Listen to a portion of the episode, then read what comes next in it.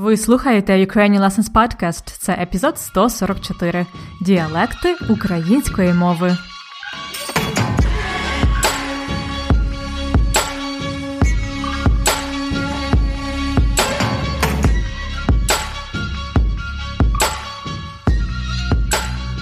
Привіт-привіт!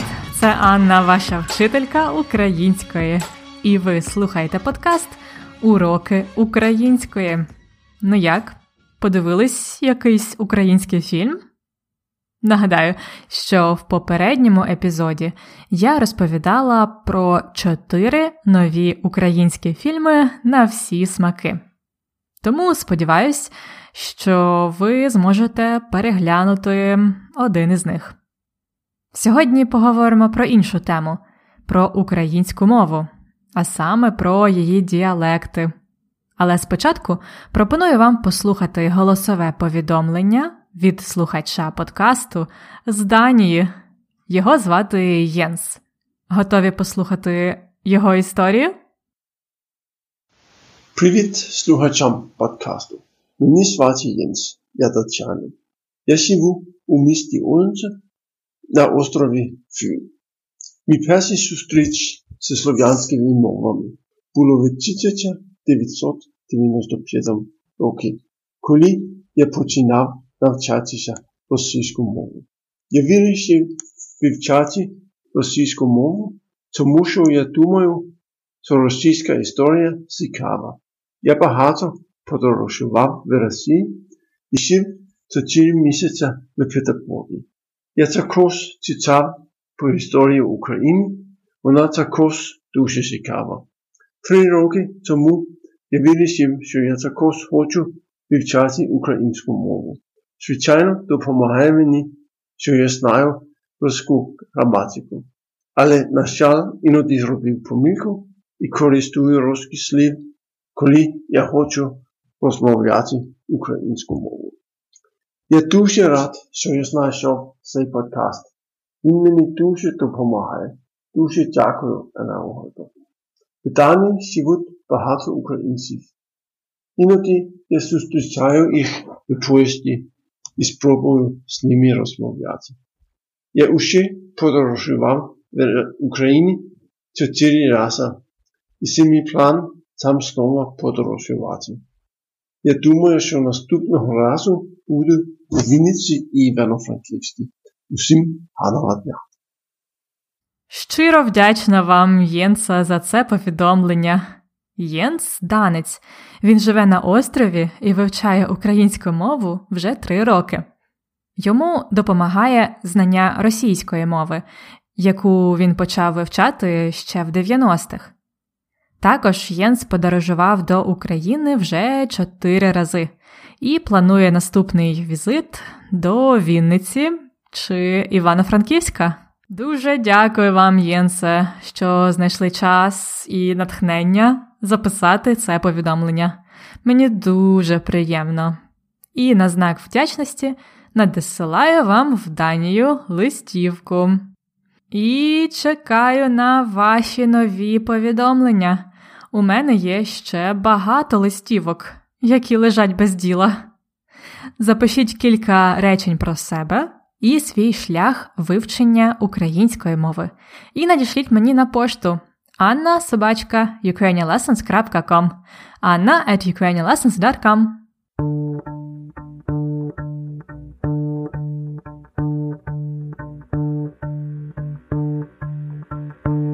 Діалекти української мови.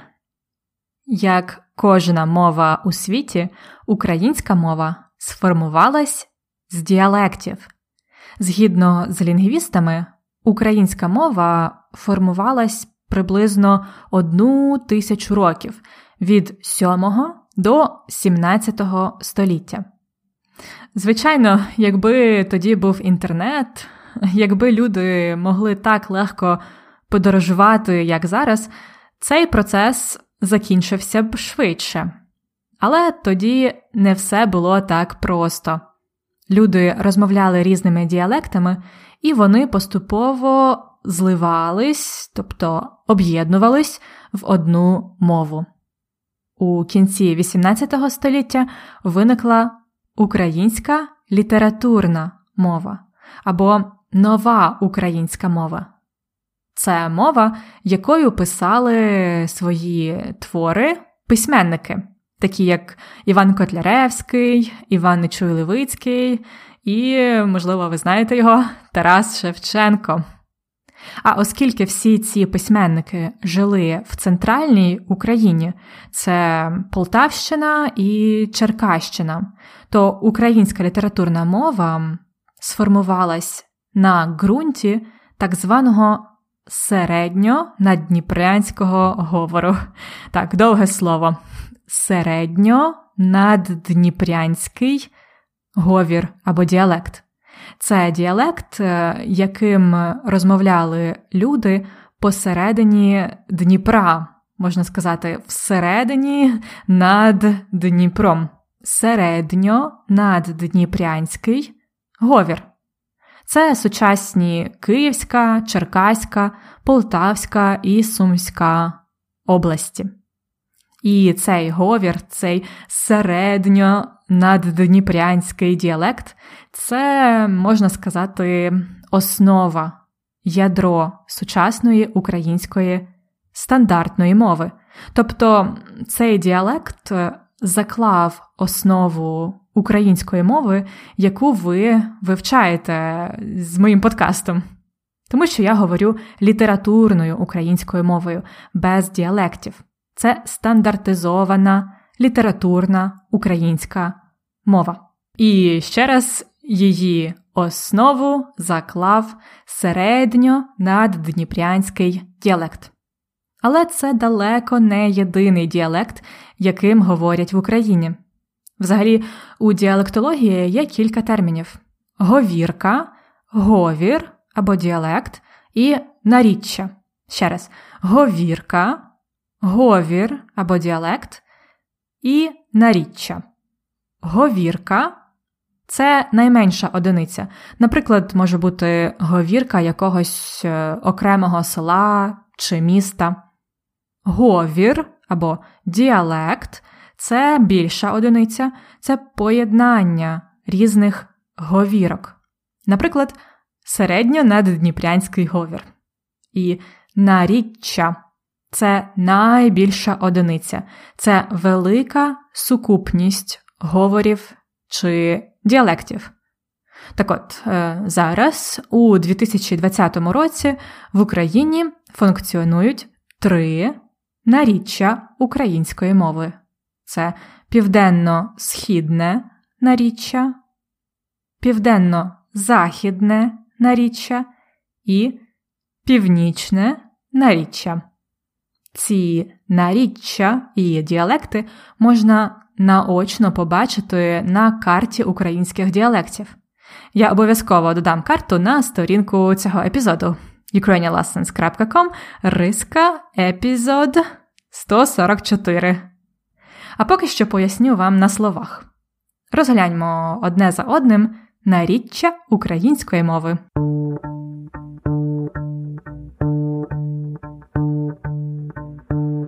Південно-східне наріччя.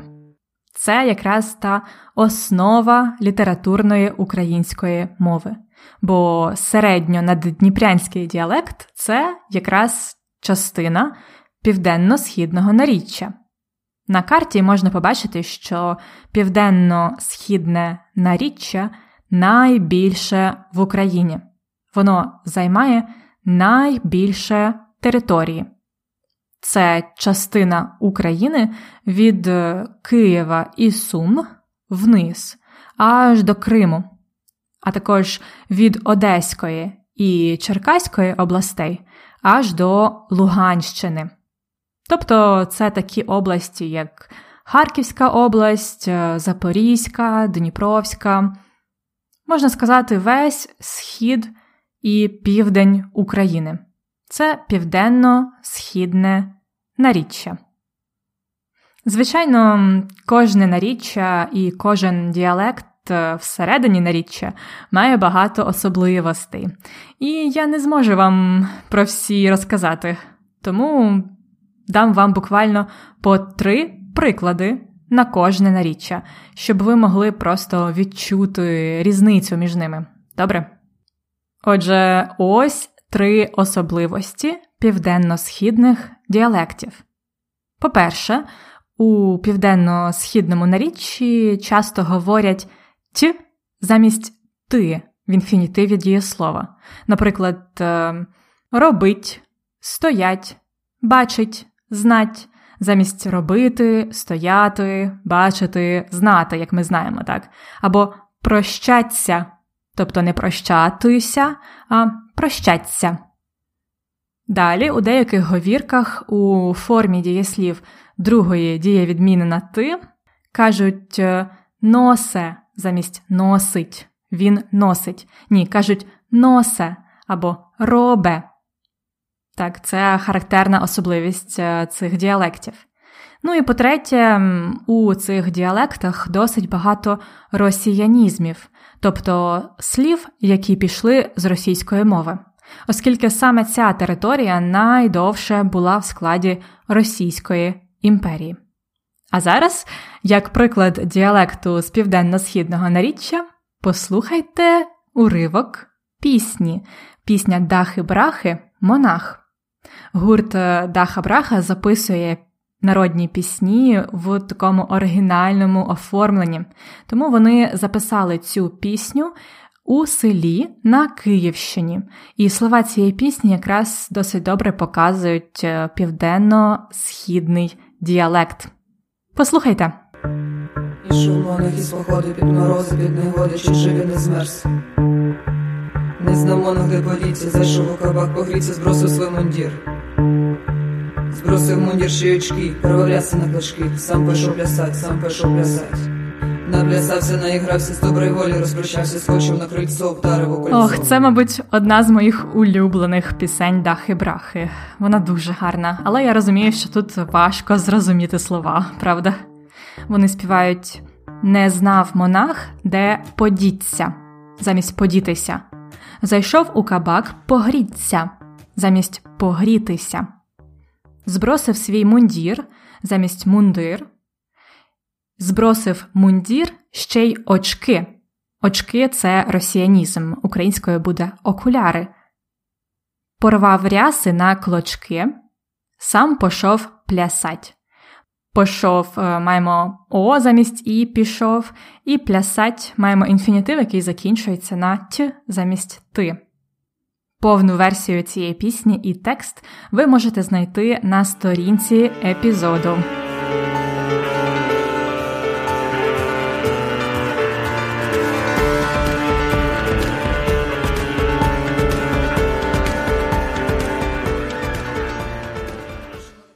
А зараз перейдімо до наступного наріччя південно-західне наріччя. Це відповідно діалекти на захід від південно-східного наріччя. Це починаючи від Вінницької і частини Житомирської області на захід аж до Польщі.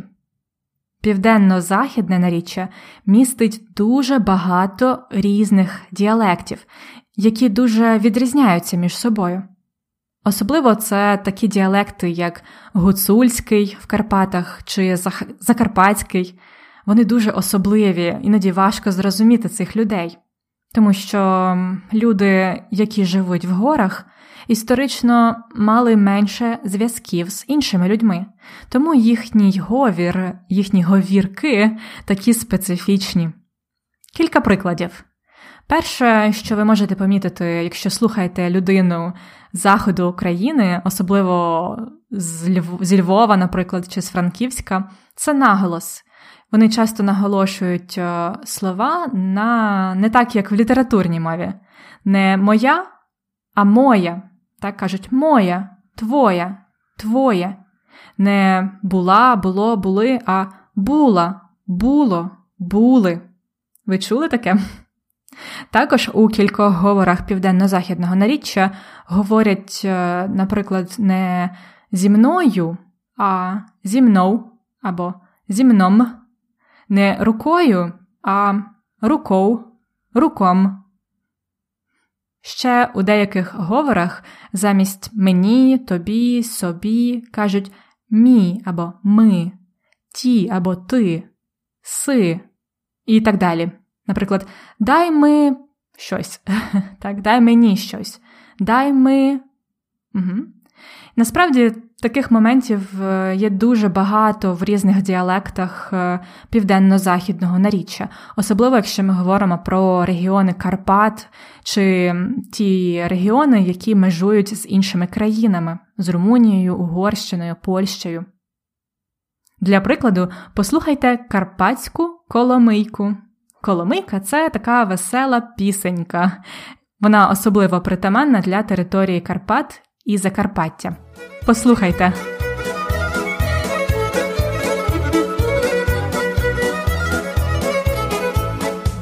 Ой, дай мені люба мамко сорочину білу, бо я буршу вже не лисицю неділю. Чоловік співає Ой, дай ми, люба мамко, сорочину білу. Дай ми замість дай мені. Бо я більше вже не легінь, більше замість більше. І легінь це діалектне слово, яке означає молодий хлопець. Легінь. Лиш сисю неділю. Сисю замість е, цю. Так. Повну версію Коломийки запрошую вас послухати на сторінці епізоду. А ми переходимо до останнього наріччя північне наріччя. Воно знаходиться на півночі України. Це можна сказати перехідний діалект між українською і білоруською мовою. Це Чернігівська область, а також північна частина Київської, Волинської, Рівненської і Житомирської областей. Велику частину півночі України називають Полісся. Полісся це регіон, де є багато лісів, Полісся. Знову ж таки, північне наріччя містить різні діалекти, які мають свої особливості. Наприклад, у деяких північних діалектах вживають закінчення є замість а після довгого приголосного. Наприклад, не життя, а кажуть життє, не весілля, а весілля. Також у деяких словах вживають о або уо замість і. Не гіркий, а горкий або горкий, не кінь, а конь, не мій, а мой. У багатьох говорах північного наріччя досить особливі закінчення прикметників.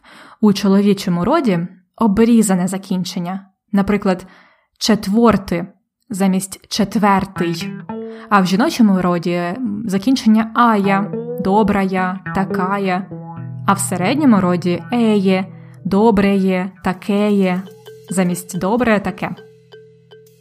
Для прикладу північного наріччя послухайте ще одну пісню Дахи Брахи. Слова цієї пісні були записані в Рівенській області. Слухайте.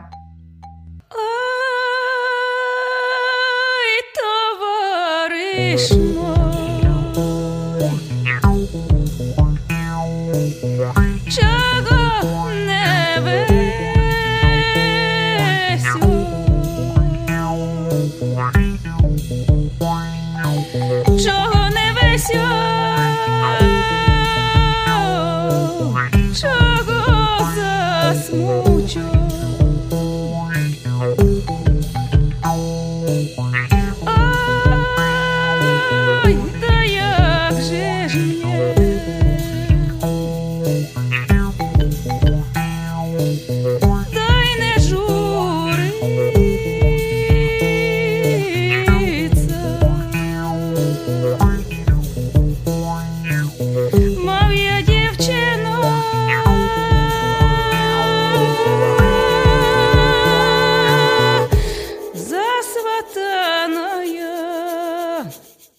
Вони співають Ох, товариш мой замість мій, чого не весьол замість невеселий, чого не весьол, чого засмучон замість засмучений.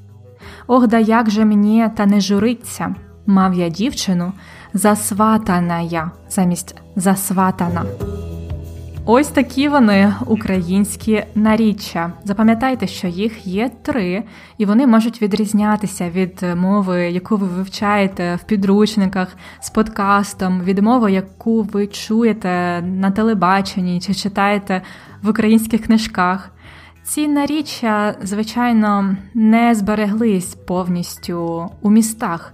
Їх частіше можна почути в селах, коли говорять старші люди.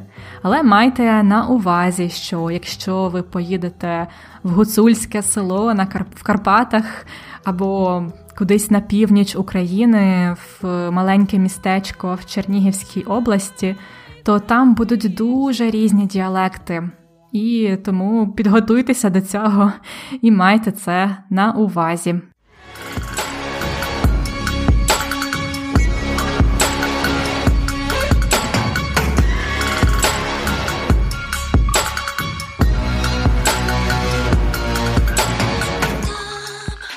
А зараз, як завжди, погляньмо на деякі ідіоми, які я вживала у своїй розповіді. На початку епізоду я сказала, що я чекаю на ваші голосові повідомлення, бо у мене є ще багато листівок, які лежать без діла. Угу. Лежати без діла. Це коли щось не використовується. Тобто це якісь предмети, які у вас є, але ви їх не використовуєте. Наприклад, можна сказати, у мене є гроші, які лежать без діла. Куди порадите їх заінвестувати? Лежати без діла. Далі я сказала про діалекти, що колись люди розмовляли різними діалектами, і вони поступово об'єднувались в одну мову. Тоді не все було так просто, тоді не було інтернету, щоб люди вільно спілкувались, тому цей процес відбувався повільно, не все було так просто. Не все так просто. Ми кажемо це, коли ситуація непроста, не так все легко, як може здатися на перший погляд. Наприклад, в Україні є великий економічний потенціал і працьовиті люди, але не все так просто. Мабуть, через корупцію. Не все так просто. Українська літературна мова сформувалась на ґрунті середньонаддніпрянського говору. На ґрунті. Ґрунт це земля. Це земля, в якій ростуть рослинки. так? На ґрунті це на основі або на базі, на ґрунті чогось. Наприклад, я створила цей подкаст на ґрунті свого досвіду викладання української мови. Отже, українська літературна мова сформувалась на ґрунті середньонадніпрянського говору. Тобто цей діалект заклав основу української мови, яку ви вивчаєте. Закласти основу чогось це бути початком, бути основою або тим самим ґрунтом для чогось. Наприклад, батьки і школа закладають основу характеру дітей, закласти основу. Інший схожий фразеологізм лягти в основу. В основу української літературної мови ліг середньонадніпрянський діалект, закласти, закладати основу або лягти, лягати в основу. І останнє. Українські наріччя можна наочно побачити на карті українських діалектів. Наочно побачити. Це коли краще один раз побачити, ніж сто разів почути. Так. Наочно означає добре для візуального сприйняття, для споглядання, для перегляду. Ну, наприклад, ем, ви можете наочно побачити всі ці ідіоми у конспекті уроку. Побачити наочно. Цікавинка з граматики. Знову про листівки. Як пам'ятаєте, я казала: у мене є ще багато листівок, які лежать без діла. У мене є ще багато листівок, які лежать без діла. Замість слова які тут можна використати інше слово що. У мене є ще багато листівок, що лежать без діла. Так само, це речення називаємо складнопідрядне означальне, тому що підрядна частинка, ось це, що лежать без діла, або які лежать без діла, це певне означення, певна ознака листівок. Вони лежать без діла. Які вони? Які лежать без діла. Зверніть увагу, що, на відміну від англійської мови, в українській ми завжди ставимо кому перед і після цієї підрядної частинки. Отже, ми маємо у мене є ще багато листівок, кома, які лежать без діла. Інший приклад. Люди, які живуть в горах, історично мали менше зв'язків з іншими людьми. Люди, кома, які живуть в горах, кома, історично мали менше зв'язків з іншими людьми. Тут також можемо замінити які на що. Люди, що живуть в горах, історично мали менше зв'язків з іншими людьми. І так само люди, кома, що живуть в горах, кома. Або росіянізми це слова, кома, які пішли з російської мови. Росіянізми це слова, кома, що пішли з російської мови. Так само. Але зверніть увагу на таке речення: Українська літературна мова або нова українська мова це мова, якою писали твори письменники. Якою? Тут ось це якою це орудний відмінок від слова яка. Письменники писали чим? Мовою. Якою мовою? Так? Тому вживаємо тільки якою, не можемо вживати тут що. У такому випадку, якщо є якийсь відмінок, крім називного і знахідного, тобто це орудний якою, родовий якого, якої, давальний якому чи місцевий на якому, ми вживаємо тільки слово який, але не що.